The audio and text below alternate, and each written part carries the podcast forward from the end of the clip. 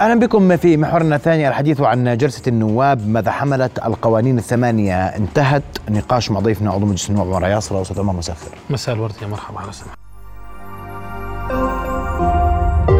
رؤيا بودكاست. وأول شيء اليوم أنهى مجلس النواب ما ورد في كتاب التكليف صحيح؟ جاي لك صيفي يعني خلصنا. خلصنا. خلصنا. تمام. خلاص؟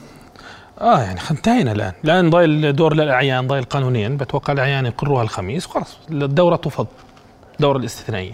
آه، أنت تتفق أن الدورة ستفضل؟ لأن كون انتهت دور الاعمال هي الدورة دستوريا نحن ملتزمين بما طلبه الملك. فبالتالي الدورة الاستثنائية الآن أنهت كل فعالياتها وانتهى. ما ضلش لا في رقابة ولا في شيء. تقييمك لل يعني اللي صار في هاي الدورة. يعني أنا بتقديري صار كثير هاي الدورة. آه طبعا يعني دورة كانت آه، مليئة بالأحداث يعني. وأنا بتقديري أنه كان فيها قوانين مهمة وقوانين جدلية وخلافية ومثلا قانون الجرائم الإلكترونية كان في تجاذب كبير في في المجتمع حوله.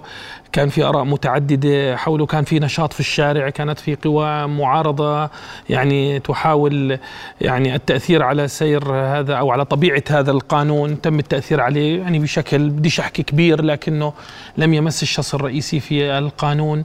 آه، قانون الجرائم الإلكترونية كان من الجرائم من القوانين المهمة جدا يعني طرح في هذه الدورة. وأيضا آه، القانون المتعلق بال- بال- بالعقار ملكية العقار أيضا آه، اليوم كان آه، جرى خلي لي حوله إياه لأنه في كم من نقطة فيه بعد إذنك في جدل وخلاف أيضا. قانون السير يعني كان متوقعا أن يكون في جدلا أكبر وأوسع لكن على ما يبدو أن القنابل الدخانية التي ألقيت حول قانون الجرائم الإلكترونية جعلته يمر بسلاسة أكبر. مرت الدوره بسلاسة؟ الدوره اليوم مرت بسلاسة برأيك؟ طبعا يعني مرت بسلاسة. بالنهاية يعني انضبطت بالأطر الدستورية. آه، يعني ما هو الصاخب جيد يعني مش مش سيء. يعني أن تمر الأمور يعني كان دائما يتهم المجلس أن أن الأمور تمر بسهولة وبسلاسة وب زي قصة ال- المشروع الإصلاحي لما كانت في القوانين المتعلقة بالأحزاب والانتخاب. لكن كان في شيء صاخب والصاخب لم يكن في داخل مجلس النواب بقدر ما كان اشتباك بين مجلس النواب وبين آه، قوى سياسية موجودة في الخارج. آه، أنا بتقدير المعارضة تحديدا القوى المعارضة وهي التي استنهضت همتها في التعامل مع آه، الاشتباك في هذا القانون تحديدا قانون الجرائم الإلكترونية. ربما كانت أقل حد النقابات لكن المعارضة بحد ذاتها الحركة الإسلامية وبعض القوى المعارضة كانت على اشتباك مباشر ومحاولة تأثير بهذا بس لا، القانون. مؤسسات المجتمع المدني دخلت على الخط بقوة وزخم ولأول مرة تتحالف القوى المحافظة بين قوسين الحركة الإسلامية مع مؤسسات المجتمع المدني في التوافق على منطق في التعامل مع قانون الجرائم الإلكترونية.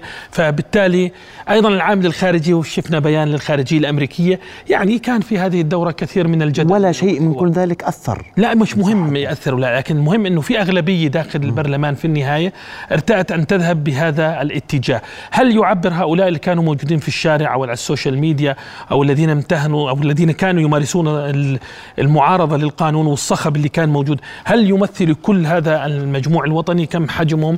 هذه مسألة مهمة. ولذلك قصة وجود البرلمان كمؤسسة دستورية أنا باعتقادي الأغلبية هي التي قررت داخل البرلمان سواء هذا القانون أو القانون اليوم. لكن أنت لاحظت ملاحظة مهمة كانت في هاي القوانين الثمانية اثنان من هذا من القوانين طعن في دستوريتهم تحت قبة البرلمان. نعم. صح؟ صحيح. حذر منهم إنهم والله ممكن يجيبوا وجع راس. اليوم في الملكية العقارية حديث واسع كان تحت القبة إنه في مشاكل في القانون. صحيح. هذا القانون يمهد للكثير. مرفوض. مع ذلك مر صح. شوف أحكي لك شغلة محمد. بالنسبة للطعن في الدستورية يومين نستمع في كل نقاش داخل مجلس النواب عن الطعن في الدستورية. الطعن في دستورية أي قانون بدك تروح للمحكمة الدستورية. يعني روح بالإجراءات الطبيعية. استخدامها سياسيا لعرقلة القانون أصبحت مهارة نيابية أردنية عند البعض نسمعها يوميا بهذا المعنى. هذا مخالف للدستور هذا مخالف للدستور. أحيانا بيكون مش قانوني أو مش عارف أحيانا بيكون قانوني وعارف و...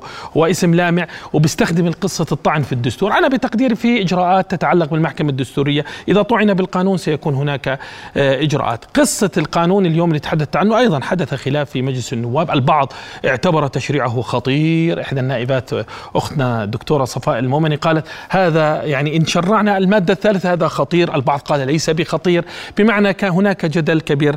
لكن بدي أحكي لك شغلة. أحيانا الفن يدخل فيه التسييس والتشريع يدخل فيه التسييس. والخطاب التسييسي الأردني للأسف سقفه عالي وصوته عالي وبالتالي أحيانا تأتي عبارات تحذيرية كبيرة مخالف للدستور جريمة بيع للوطن. كل هذه المصطلحات والزخم صارت تطرح آه، على طاولة النقاش في داخل المجلس النواب. لكن كم هذا إذا أردنا أن نشذبها موضوعيا أن نأخذ الأمر بطريقة موضوعية أنا بتقديري أنه المتساهلين بنجيبهم على على على على على دائرة معينة. أيضا المتشددين ممكن نجيبهم على دائرة محددة لكن في استخدام سياسي يجري في مجلس النواب لكثير من القضايا. وكل ما قيل اليوم يعني محترم ومتفهم فيما يتعلق بقصة العقار. ولكن في النهاية أنا بتقديري التسييس اللي بيصير بحاجة إلى نقاش لكن الأغلبية هي اللي قررت يعني بدنا نفهم هذا الكلام. أستاذ عمر مقدر كان في حساسيات اليوم تحت القبة صح؟ يعني كيف يعني حساسيات اشرح يعني عندما ذكر موضوع أنه بدناش نسمح إنه هذا القانون يسمح للكيان كيان الاحتلال ومن يحمل جنسية الاحتلال بالاستثمار رفض التصويت. لا ما هو وين المشكلة كانت مثلا إذا مجلس النواب صوت على هذه النقطة؟ إذا ما كنا نريد أن نحمي فعلا مقدرات ما ما ما ما, ما في مشكلة. طبيعة م. الدولة وطبيعة تركيبة السيستم والعلاقات اللي موجودة في الإقليم ربما هي التي يتتحسس منها مراكز القوى في الذهاب نحو هذه النقطة آه، تحديدا. لكن أنا بدي أقول لك شغلة محمد بالنهاية بيع العقار موجود في الأردن يعني في سوابق للبيع. الآن هذا البيع اللي بدها تقوم فيه مش حكومة احتلال بدها تقوم فيه حكومة المملكة الأردنية. وأنا بدي أحكي لك إياها من الآخر. في النهاية الخوف والمحاذير اللي حكوها كل الزملاء النواب اليوم واللي هي متفهمة خايفة من قصة الاستثمار المسيس دخول الإسرائيلي على الخط دخول هذا كل هذا مبرر. لكن في النهاية اللي بيقرر البيع من عدمه هي الحكومة. أنا بدي أحكي لك عن حوادث بتصير وبنسمع منها. وقد تكون أحيانا مؤسسات قطاع خاص بدها تنباع لدول تتدخل الدولة وتعيق ذلك تحت اعتبار أن هذه المؤسسة يجب أن تبقى أردنية. بالنهاية التسييس يقابل بتسييس لكن التشريع كان هدفه أنه نطلق الاستثمار للأمام. ومع ذلك كان في خلاف اليوم بين مجموعة من النواب حول هذه القضية لكن في النهاية حتى نبتعد عن قصة التهويل والتخوين لمن صوت والتهويل والتخوين لمن لم يصوت. أنا بتقديري في النهاية يحسمها الأغلبية. الأغلبية قررت اليوم أنه ليست المسألة خطيرة وعلينا على هذا التشريع أن يمر وبالتالي هو يمر. الآن إذا وجدنا في قادم هذا تشريع مش قرآن.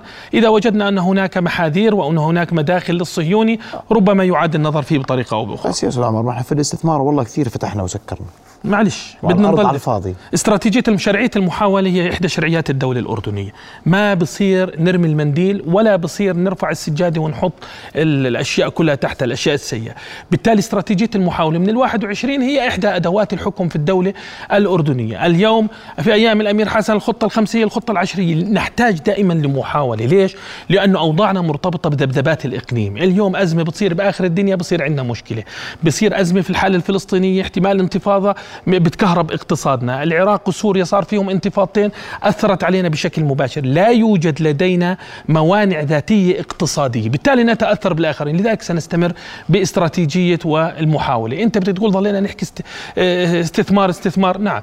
إحدى الأدوات الأيديولوجية التي استخدمها الدولة الأردنية في الملكية الرابعة مع قدوم الملك عبد الله قصة الاستثمار وتشجيع الاستثمار. وحاولنا فيها محاولات كثيرة وعملنا مؤسسات هيئات مستقلة وتراجعنا عنها وعملنا تسويق من خلال دافوس وغيره والآن بردت واليوم نحكي عن مشروع اقتصادي. بدنا نضل نحاول لأنه إحنا بغير المحاولة ما بنقدر نستمر.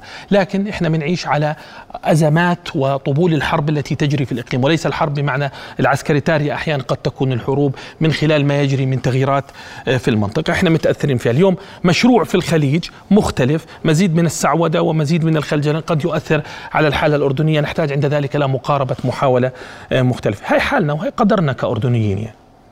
طب إذا إذا هذا قدرنا اليوم وأنت بتقول اليوم مررنا كل هاي القوانين وأنت راض عن أداء الاستثنائية ما أفهم من كلامك. لا كانت استثنائيه صعبة صراحة. يعني أنا مثلا مع قانون الجرائم الإلكترونية باعتقادي إني شرحت وجهة نظري ووضحت نفسي في أكثر من مكان. آه، باقي القوانين لها وعليها يعني ممكن نكون الأغلبية في النهاية تقرر لكن الأغلبية ليست آه، منزلة بمعنى أنها تحتمل الخطأ. لكن من يكتشف الخطأ؟ التطبيق. في النهاية يعني قانون السير ما صارش فيه جدل ونقاش مجتمعي واسع كما حدث في قانون الجرائم الإلكترونية. قصة العقار تم تسييسها وباعتقادنا حسمت اليوم من الأغلبية البرلمانية.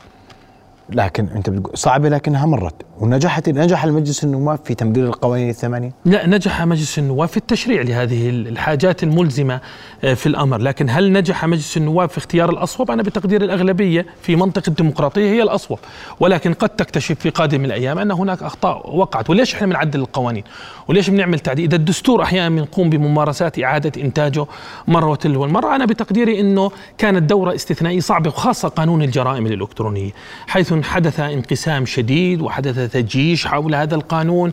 وفي كل مراحله الأعيان رجعوا لنا إياه بتعديلات محددة بعد أن شاهدت أو يعني الأعيان شافوا وقرروا لكن مراكز القوى هي التي استأنست وربما يعني توافقت مع الأعيان على أخذ الاعتبار بالضغط الشعبي وبعض الملاحظات التي قدمها الناس. لا أنت بتحكي هيك بس الناس شافوا إنه مر. كل اليوم مر. السير مر. مر. طيب. الجرائم مر. مر. العق- الملكية العقاريه مر. مر. مر. مر. لا شوف. مر لأن الجميع متوافق أن هذه القوانين يجب أن تمر. نعم لجميع مراكز القوى ومن بينها مجلس النواب الاغلبيه مجلس النواب مجلس النواب تجد أنه من الضرورة أن نذهب بهذا الاتجاه مجلس بهذا النواب التشريع كمركز قوى؟ لا جزء من مراكز القوى. حجمه وطبيعته مرات بيكون كبير زي ما كان في بعض السنوات لما كان مجلس النواب أقوى ومختلف وقوانين الانتخاب أكثر سياسي وحجم السياسيين فيه أكبر بيكون أحد مراكز القوى. لكن هو الآن أحد مراكز القوى لكن قديش حجمه مع مراكز القوى في الدولة؟ هاي قصة ثانية. بدها حلقة محمد لا بس ما. نتفاهم عليها. في حجم؟ لا في نعم هناك حجم لكنه ليس بالمأمول ولا كان ما رحناش لإصلاح. يعني لماذا قررنا أن نذهب إلى مشروع إصلاحي بقانون انتخاب جديد وبتجربة حزبية جديدة حتى يصبح لهذا المجلس شكل وطبيعة وكثافة سياسية تجعل منه أكثر وزنا في صناعة القرار في الدولة الأردنية؟ بمعنى أنه سيصبح لاعب أكثر يعني آه، متانة وقوة. لكن اليوم مجالس النواب في الآونة الأخيرة تراجعت بشكل واضح. مجالس التشريع وتراجعت حتى الحكومات يا محمد في الآونة الأخيرة وفي السنوات الأخيرة بدأت تتراجع بشكل واضح وتعتمد على شخص رئيسها يعني بذبذبات اليوم بدنا نمأسس وهذا سبب قدوم المشروع الإصلاحي. أما لو كنا إحنا مجلس النواب بخير وكنا نؤدي دورنا الرقابي والتشريعي في قصة إدارة يعني في صناعة القرار من يحكم الأردن. مجلس النواب يأخذ وضعه الطبيعي في الدستور والحكومة تأخذ وضعها الطبيعي والمؤسسات تأخذ والحالة الشعبية تأخذ وضعها الطبيعي والمعارضة بصحة جيدة ما احتاجناش لإصلاح. اليوم كلياتنا نعيش حالة عليل عليل. المعارضة عليلة الموالاة عليلة المؤسسات فيها يعني علاقة غير صحية مع الجمهور مجلس النواب في مشكلة طبيعة تركيبته طبيعة انتخابه وكذلك كل هذه الحالة تحتاج الإصلاح ولا كان ما رحنا لمشروع الإصلاحي وزقفنا له. يعني بالمعنى الحقيقي إحنا كلياتنا بحاجة أن نذهب إلى خطوة للأمام نتقدم بها. وهذا اعتراف نعترف به من خلال إقرارنا بأننا بحاجة لإصلاح خرب عندك الصنبور. بتروح بتجيب المصلح. هاي هاي جية المصلح. دليل إنه في صنبور عندك فيه مشاكل. لكن لو كان الصنبور بصحة جيدة بتتصلش بالمصلح. إحنا اتصلنا بالمصلح وهو المشروع الإصلاحي واللجنة وال- والتشريعات التي كانت. طيب. وأنا بدي أظني في في في ذات- الإطار. أنا وأنت- بحبك ولا بحبك.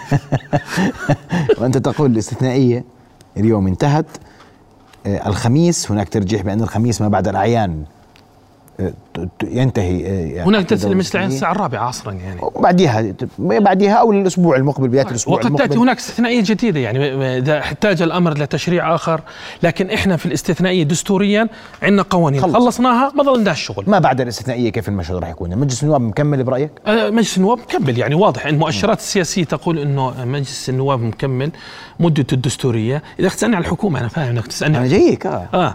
بدك بدي, الحكومة. بدي أنا أنا أنا بتق... بقدم الجزر هلا عشان أنا ب... أنا بتقديري المنطق يقول آه، أن الحكومة ستكمل مع مجلس النواب إلا إذا قرروا التمديد لمجلس النواب نسمع مرات إنه في احتمالات يمددوا له يمددوا وين؟ لا يعني مددوا له يعني كمان سنه باعتبار التجربة الحزبية ما هو ش- كمان لو سألتني سؤال ما هي الأشياء التي استفدنا منها بالدورة الاستثنائية؟ نحكي بصراحة ومكاشفة. اكتشفنا مثلا أن أحزاب الموالاه الموجودة في الوسط لم تشتبك في ملف الجرائم الإلكترونية بشكل واضح. هذه الأحزاب لم تقدم لا رفض للقانون ولا دافعت عن القانون. وبدي أقول انها أحزاب موالاه قريبة من مقاربة الدولة مقتنعة بقرابه مقاربة الدولة دافع عنه. وهذا ترك الساحة فقط للمعارضة اللي كانت اللي أنت سميتها إنه كان وأشعرتنا المعارضة أنها تملأ كل الفراغ وأنها الرافض الوحيد. هاي الأحزاب اليوم وهذه التجربة الحزبية في مطب. الجرائم الإلكترونية تحتاج إلى طرح سؤال كبير من جميع مجسات الدولة حول يعني هذا مدعاة للتمديد لعام. لا لا لا هذا ليس هذا قد يكون مدعاة. هذا مدعاة لجاهزية الجميع سياسيا للدخول في المعترك الانتخابي. كويس. قد تكون جاهزة آه، بدنيا قد تكون جاهزة من حيث العدد والعدة قد تكون جاهزة من حيث استخدام مرة أخرى الجهة والحارة والقبيلة والكروموسوم في الانتخابات. لكن هل جاهزة سياسيا؟ لماذا لم تشتبك؟ هذا السؤال أنا باعتقادي مهم. لكن أنا تصوري المرحلة القادمة أن الحكومة ستذهب باتجاه آه، البقاء مع المجلس وهذا يحتاج إلى ترشيق. الترشيق. بمعنى إنه اعطاء هذه الحكومة حقنة الترشيق. بالتالي ربما ربما وهذه قراءتي التحليلية آه، السياسية حقنة الترشيق هي- حقنة تكون من خلال التعديل. آه. تأتي حقنة الترشيق يحتاج رئيس الوزراء إلى ترشيق فريقه إلى إشعار الرأي العام اللي راح يظل يقول الحكومة باقية مروحة باقية. التعديل بثبت أنها رايحة مع المجلس إلى نهاية المدة الدستورية اللي بيختارها الملك في النهاية. إلا إن مدد له. إذا كان في نية بالتمديد أنا بتقديري أن الجدوى أكبر تكون بالإتيان بحكومة جديدة وأنا أستبعد هذا السيناريو. يعني أنا مع سيناريو تعديل زائد بقاء المجلس كلها عشرة أشهر. يعني فيش داعي أن نحدث يعني خلينا نسميها آه، تعليل سياسي ودبكة سياسية جديدة. والحكومة تتجه لتعديل. إذا ما كان هذا برأيك. هذا- ما أرى أن الحكومة تحتاج إذا أردنا إبقائها مع المجلس إلى ترشيق وهذا الترشيق يكون آه، بالتعديل غير الحاجات البنيوية اللي بتكون بتخص رئيس الحكومة لكن فعليا يعني مرات أنت بتحتاج تعديل موسع ولا بسيط؟ يعني حتى الآن ما بقدر أقول لك لكن أنا باعتقادي أنه سيبقى معتدل يعني. يعني ستة سبعة ثمانية ممكن بس بده يضل معتدل ليس موسعا وليس بسيطا يعني. وهذا يعطي الحكومة عمرا بعمر مجلس لا هذا. يعني يحسم النقاش حول آه، أن العشر مصير. الأشهر العشر القادمة ستكون قصة البرلمان ورحيله يعني نوعا ما ذهبت. بعيدة. بعيدة. قصة رحيل الحكومة بعيدة. فليعمل جميع الأطراف على التهيئة للمشروع السياسي خاصة مع مطب الحياة الحزبية التي جاء في قانون الجرائم الإلكترونية حيث لم نجد في الشارع إلا أحزاب المعارضة. أين أحزاب الموالاة؟ أو أين الأحزاب التي تأسست جديدا؟ لماذا لم تشتبك؟ لماذا يعني أصابها نوع من ال ال ال ال ال آه، الابتعاد عن هذا المشهد؟ يعني خمول؟ غير مبرر بده تفسير. مش عارف شو تفسيره. ما عندي يعني تفسير. يعني م- م- مش ما عنديش مش لأنها أحزاب مبرمجة مثلا؟ لا لا لا مش قصة مبرمجة. هي حتى لو كانت مبرمجة أصلا كان لو كانت مبرمجة لذهبوا بها إلى الدفاع عن القانون أكثر فأكثر والاشتباك أكثر فأكثر لكنها على ما يبدو أنها تعيش مرحلة آه، يعني الت- التفكير أكثر بالذهاب نحو الجمهور بالتالي الذهاب نحو كسب ال- أو أو الذهاب نحو الدولة. فاختارت الكمون وهذا الكمون كان يعني أنا باعتقادي أنه ليس سياسيا. وعدم وجود الكم والكيف السياسي بهذه الأحزاب أنا يؤرقني ولا بد أن يؤرق أيضا صانع القرار. أنا بدي أشكرك كل الشكر الأستاذ عمر عياصر عضو مجلس النواب على وجودك معنا ليلى علقت على الدورة الاستثنائية التي من المرجح أن تحل إما الخميس أو الأحد المقبل ولا تقدير. أشكرك كل الشكر. شكرا. رؤيا بودكاست